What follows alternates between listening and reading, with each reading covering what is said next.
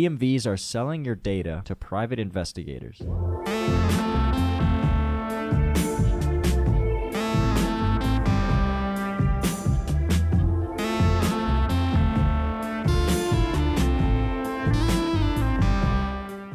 Welcome back to Chapel Phil. Today's mini episode is the DMV acting unethically. Cena, fill us in on what's going on. So, a bombshell report was just released by Motherboard, uh, which is a subsection of Vice News, and Very re- credible. Yes, go ahead. they're pretty credible.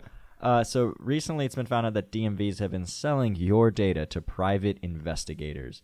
So apparently, in some form of agreement, you gave them your data in exchange for a driver's license, and DMVs are making tens of millions of dollars selling it. And this includes states like Virginia, New Jersey, Delaware, selling it to dozens of private investigators. I'm gonna need something back from the DMV. Like, we go in there, we give them already three hours of time for one driving certificate. We give them, oh, just all of our patients that we have. Right. And what do we get in return? Nothing. You got to pay for it. Nothing. And now you're telling me they're making money off of this? Man, DMVs sell your data to insurance companies, tow companies. how can they do this? Is it? I don't know. It would seem Wow, that like doesn't work. they're almost privatized. Should we privatize DMVs? Many of the private investigators that DMVs have sold data to explicitly advertise that they will surveil spouses to see if they're cheating. So private investigators can go to the DMV. Oh, there's a whole list of them. Discreet Investigation Solutions LLC, Douglas C. Shoot, Shroot. Shroot. Shroot and Associates. Dwight Schrute. There's a whole list. Global investigators, Guardian, blah blah blah, and they've all purchased data from the DMV. Imagine that. Imagine going to the DMV and say, "Can I have Noah Upchurch's data? I'm a private investigator." That's insane. Well, yes, it costs uh, five cents. He's just a regular old guy. Can I have Donald Wow. Trump's information? Under this memorandum, the requesting party will be provided via remote electronic means information pertaining to driver's licenses and vehicles, including personal information authorized to be released. Oh, so do we authorize it? They don't sell photographs or social security numbers. Thank God. But like, I wonder if we agree to it. in all that paperwork, I'm Yeah. pretty sure.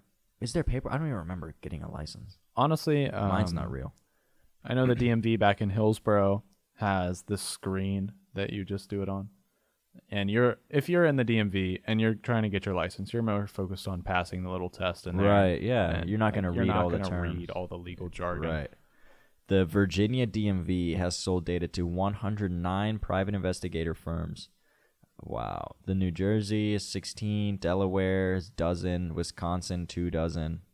So what could happen in these situations is if you thought that your spouse were cheating on you, uh, you could hire a private investigating firm, LLC, very official. Oh, official. And what they would do is go to the DMV, and the DMV goes, "Sure, you want Sally's license plate?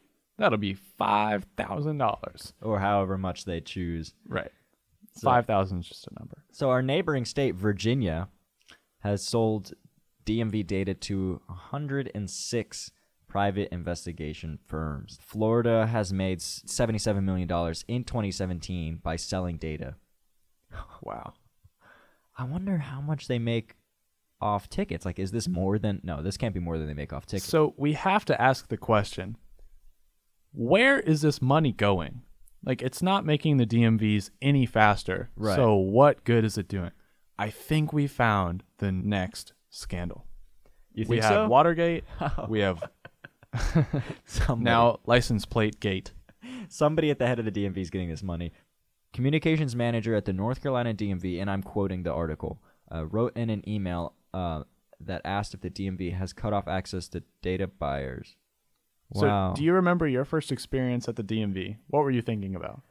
I was thinking, man, I hope I pass this computer test because there was a computer test and a driving test, right? Right. And Yeah. it would ask you stuff like, what kind of tires should you wear if it snows? Mm-hmm. And we're in North Carolina, so you just don't drive when it snows. Yeah, exactly. You die. What's the legal blood alcohol uh, concentration limit? And Right. we were 16, so did you know?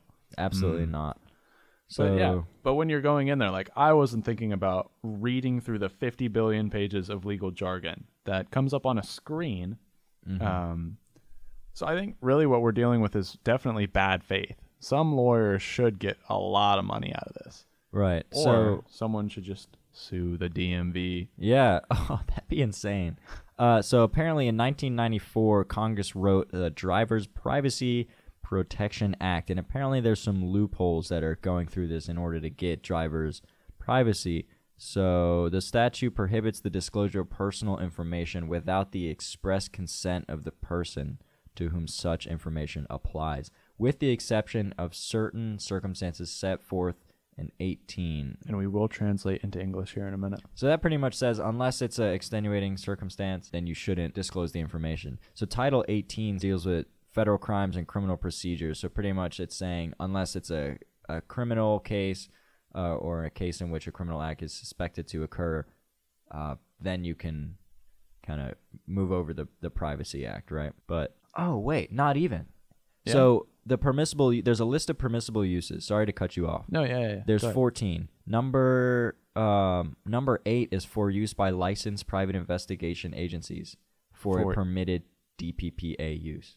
permitted use. So whatever use that they deem permissible. That is insane. So any Wow. private investigation firm can just buy data. I want to investigate whether you have enough toothpicks in your household. I'm going to hire a private investigator. They're going to get your license plate number, Cena. They're We're gonna gonna give be you able my to track you address. down. Yeah, Yeah, your address. yeah. And then we're going to get to the bottom. I actually live in the old well, so Oh, yeah? That's cool. I can always just. How do you like it? Have you It's gotten good. a 4 It's always wet. Ah, Always people drinking my water. My water bill is crazy. man. Maybe we should look at the uh, city and urban planning department next.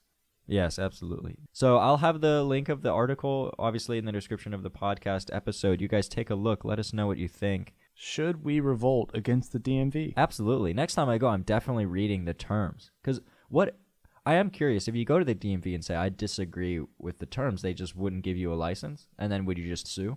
I guess so. This is forced consent into a search or seizure of property. I think this is unconstitutional. You know, we should email Tom Tillis and Richard Burr. I'm sure they're hot on this. I'm sure they'd really care. Hello, David Price. I know you listen to this type of stuff. If you are out there, reach out. We can take the DMV down together. Let's do it. I hate the DMV. oh, for the bulk distribution of surveys, marketing materials, or solicitation, solicitations uh, for use by private toll transportation facilities, that's fine. For providing notice to owners of towed vehicles. Okay, so the article was saying, oh, towing companies also um, use it, but I, I think that's fine because if they tow your car, they have your license plate, so then they can go to the DMV and say, who, where's the address of the license plate, and email you or ma- sorry, send you a, a, a letter or, or call you or something. So I think that's that's okay, but private investigation agencies. DMV sells your data to everyone. I used to work for a marketing firm that bought DMV data to determine who was likely to buy a new car or whose car might need maintenance.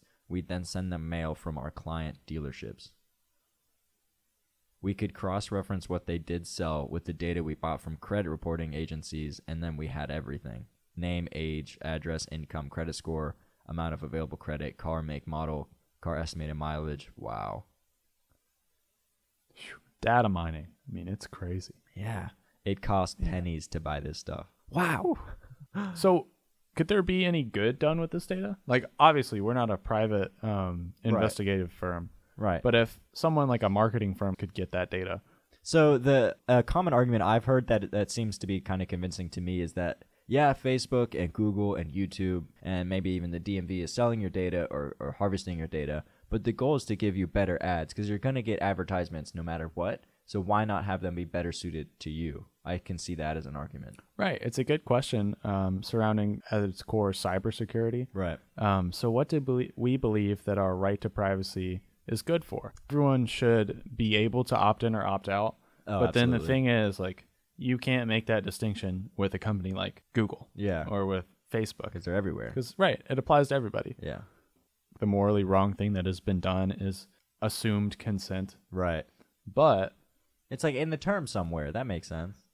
as long as it's not Cambridge Analytica Right. and they're manipulating your data to influence a political election outcome or But that's inevitable, right? specifically targeting. We you. just say, yeah, sure, use the data. Uh, give us better ads. It's a, it's the internet's free. I agreed to this. and then now these companies are buying them and selling them. I mean, are they just a, f- a result of the system, or are they a, a, a cause? What like can we blame a, s- a- a company like that?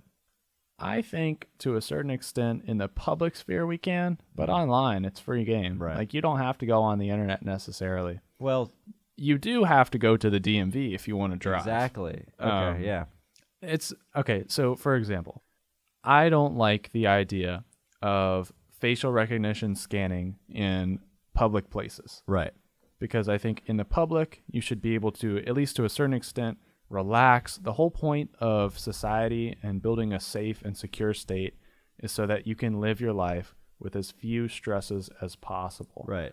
or at least to give you an environment where you can do that and seek it out. And that requires a sense of anonymity. It- it- Right. there's something relaxing about that. if we think we needed it and everyone were to consent to it, fine. But I think this is a step further. This is like taking a security camera and pointing it at someone's window in their apartment so you can see when they change clothes. I mean, there's a certain line that you cross Right. where every day in public people choose to present themselves a certain way. We all wear different clothes, we all do different things like that to build up our own ego and mantra because it's very important to us. Right. And you can l- look at our own intuition to this. So recently, the Hong Kong protesters are knocking down those facial recognition poles, and our gut reaction seems to be, yeah, hell yeah, of course they should tear that down because the, the government, whether that be Chinese or, or the Hong Kong government, is going to be tracking the people, like trying to find out who's in the protest to go after them later. Right. They're even spraying protesters with blue paint so that they can go back and find these people. They're dyeing their skin blue so that they can identify them later. Jeez. Isn't that crazy? So It's a good strategy f- for keeping control, but yeah, it does seem wild that Yeah. some government now could do that. Maybe we think we're past certain ideals, but if we did something for a reason in the past, someone will probably use that reason again to justify things in the future. But privacy is very important because I'm very tied to being genuine. Right. These marketing firms, it's deeply concerning to me that they can find out someone's credit score, someone's income, someone's direct needs, and calculate their desires because all that should be personal. It shouldn't be made public because people get judged based on their income, based on their credit scores. And to a certain extent, that a happy societal environment is one in which maybe you don't know everything about everyone else. And maybe corporations shouldn't either.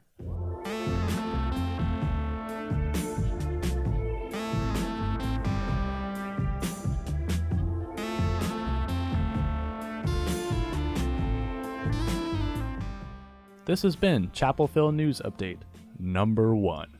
Goodbye.